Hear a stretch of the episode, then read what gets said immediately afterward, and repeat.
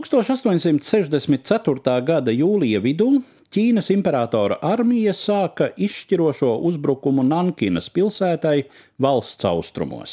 Pilsētu sīksti aizstāvēja taipinu nemiernieki, kuri to bija ieņēmuši pirms 11 gadiem un padarījuši par savas debesšķīgās lielā taisnīguma valsts galvaspilsētu. Ķīniešu valodā minētais valsts nosaukums skan kā Taipintiango, kas arī deva vārdu visai sacelšanās kustībai taipinu sacelšanās. Iekaroto Nankinu nemiernieki bija pārdēvējuši par Tjandziņu, debesu galvaspilsētu. Taipinu kustība aizsākās Ķīnas dienvidu provincē Guansī 19. gadsimta 40. gados.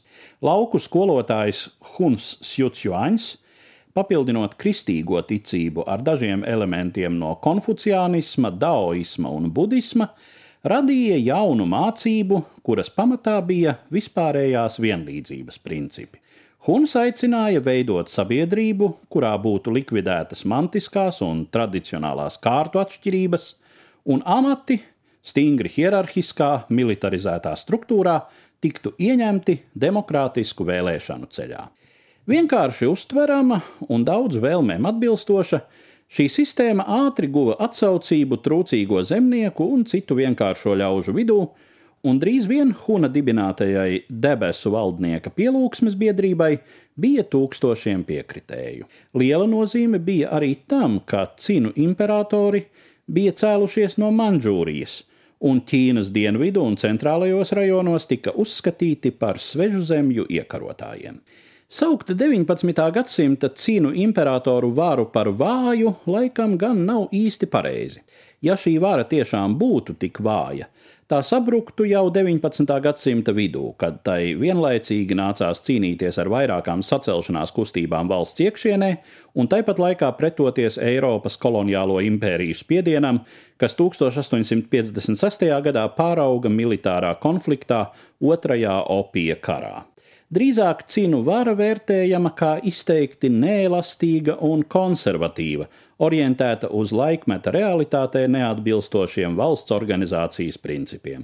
Tomēr arī radikālām nemiernieku kustībām tolaik neizdevās gūt izšķirošo pārsvaru. Taipini bija plašākā un spēcīgākā no šīm kustībām, bet tai aktīvi pretojās mantīgo un privileģēto šķiru pārstāvji, pat veidojot savas privātās armijas, kas cīnījās efektīvāk par imperatoru spēkiem.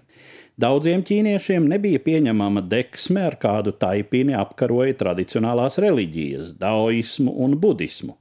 Citiem taipinu vēršanās pret tradicionāliem netikumiem, pret opiju un tabaku, alkoholu, azartspēlēm un prostitūciju.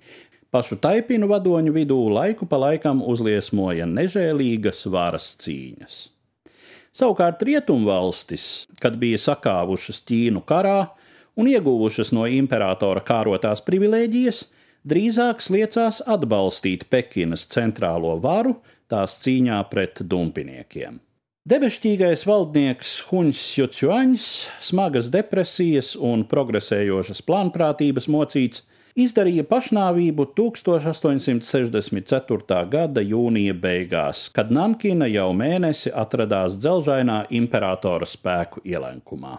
Pāris dienas vēlāk valdības spēki ieņēma Zeltpurpura kalnu, stratēģisku augstieni, kura tiem ļāva ar artēriju apšaudīt visu pilsētu. Artērijas uguns aizsargā izdevās izrakt tuneli pilsētas mūra tiešā tuvumā, un piepildīt to ar sprākstvielām. 1864. gada 19. jūlija pusdienlaikā šī superbumba eksplodēja, sagraujot daļu pilsētas mūra un paverot ceļu uzbrucējiem.